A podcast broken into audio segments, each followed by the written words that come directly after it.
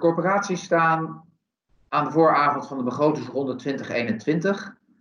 En Finance heeft een viertal tips uh, ter voorbereiding van deze begroting. Uh, met jou bespreek ik tip 1. En dat is het belang om interne normen te stellen bovenop de normen die AW, WSW hanteert voor ICR en LTV. Uh, waarom is dat belangrijk, Victor? ja, Daan. nieuwe of eigen normen bovenop normen van AWW's is van belang, vooral vanwege de introductie van de beleidswaarde. Uh, sinds uh, we van bedrijfswaarde naar beleidswaarde zijn gegaan, zie je dat de beleidswaarde veel volatieler is. Uh, dat komt voornamelijk omdat de beleidswaarde gekoppeld is aan de marktwaarde. En de marktwaarde is nou eenmaal volatieler.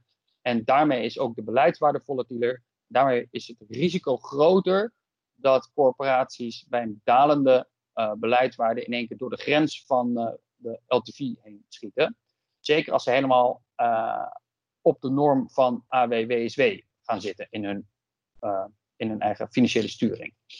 Vandaar dat wij zeggen om een eigen buffer of een remweg te creëren bovenop de normen van AWWSW ja, door de normen zakken van de LTV betekent natuurlijk dat je potentieel bijzonder beheer komt. Hè? Dus iets wat je graag wil voorkomen. Ik hoor jou sterk, uh, sterk focussen op de LTV. Is een uh, norm op de ICR ook noodzakelijk, Victor? Nou, de, een, een, norm op de, of een eigen norm bepalen voor de ICR is zeker ook aan te raden. is wel minder van belang, of even, dan voor de LTV van de loan to value. Vooral omdat de ICR natuurlijk geen koppeling met de beleidswaarde kent. Dat is alleen op kaststromen. En de LTV heeft dat, is dat waardebegrip uh, is, uh, veel dominant, dominant aanwezig. Toch zou ik ook zeggen, kijk ook goed naar de uh, normering van je ICR. Omdat als je een ander risicoprofiel hebt dan het gemiddelde van de sector, zou je best eens andere normen kunnen hebben voor, voor je ICR. want de ICR is natuurlijk wel gebaseerd op het gemiddelde van de hele sector. Ja, en ik denk zeker ook met die toenemende druk die we de afgelopen jaren hebben gezien op de kaststromen, dat het van groot belang is om ook uh, goed die kaststromen in de gaten te houden en ook wat ruimte te nemen ten opzichte van de normen van ABWSW, om niet uh, in de problemen te raken op, op een gegeven moment.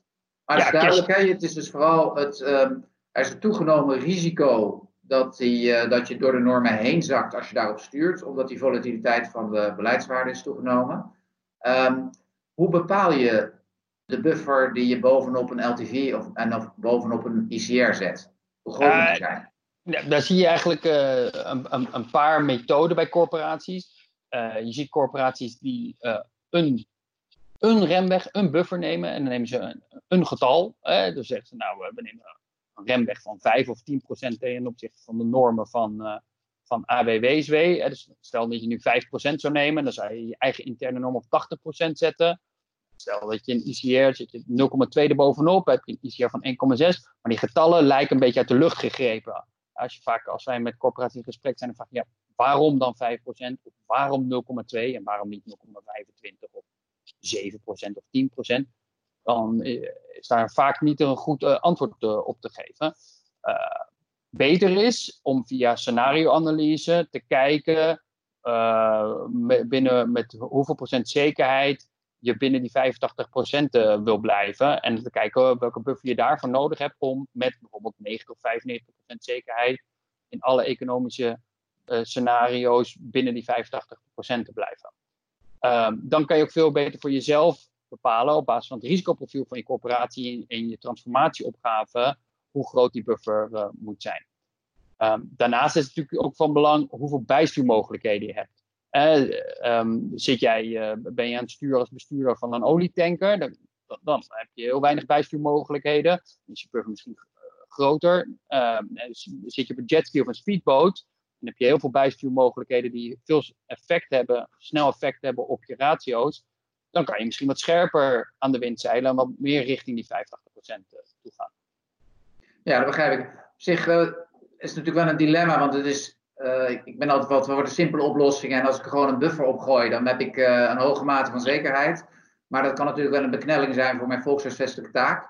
En als ik het iets meer echt ten opzichte van mijn risicoprofiel doe, via scenario's, dan heb ik de mogelijkheid om uh, echt het maximale te doen volkshuisvestelijk, wat past bij mijn risicoprofiel. Is dat een goede interpretatie van jouw antwoord, Victor? Dat is een hele, hele goede samenvatting. Ja. Oké. Ja. Ehm, nou, ik, we zijn, staan natuurlijk op de vooravond van de begroting. Waarom is het belangrijk om deze discussie te voeren voorafgaande aan het begrotingsproces, Victor? Omdat je uh, investeringsprogramma, uh, de, de, de hoogte, de, de omvang waarmee je kan investeren, helemaal afhankelijk is, sterk afhankelijk is van de hoogte van je normen. Het maakt nogal uit of je een eigen LTV-norm hanteert van 75% voor de komende jaren of 85%. En dan kan je gewoon veel, met 75% kan je minder investeren, onrendabel investeren, dan met een norm van 85%. Ja, duidelijk. Dus als ik me samenvat, uh, Victor, dan zeggen we interne normen bepalen uh, van groot belang. Er is een simpele methode. Uh, pas die toe. Of er is een betere methode. Kijk echt naar um, je risicoprofiel en je bijsturingsmogelijkheden en baseer de opslag daarop. En doe dat voorafgaande aan de begroting, want het heel leidend is voor de ruimte die je hebt voor je investeringsprogramma in de begroting uh, 2021 en volgende jaren. Ja, ja? helemaal eens. Okay, perfect. Nou, ik hoop uh, dat corporaties daarmee uit de voeten kunnen, uh, Victor. En hartelijk dank en ik spreek je snel weer. Bye bye. Ja, bedankt dan.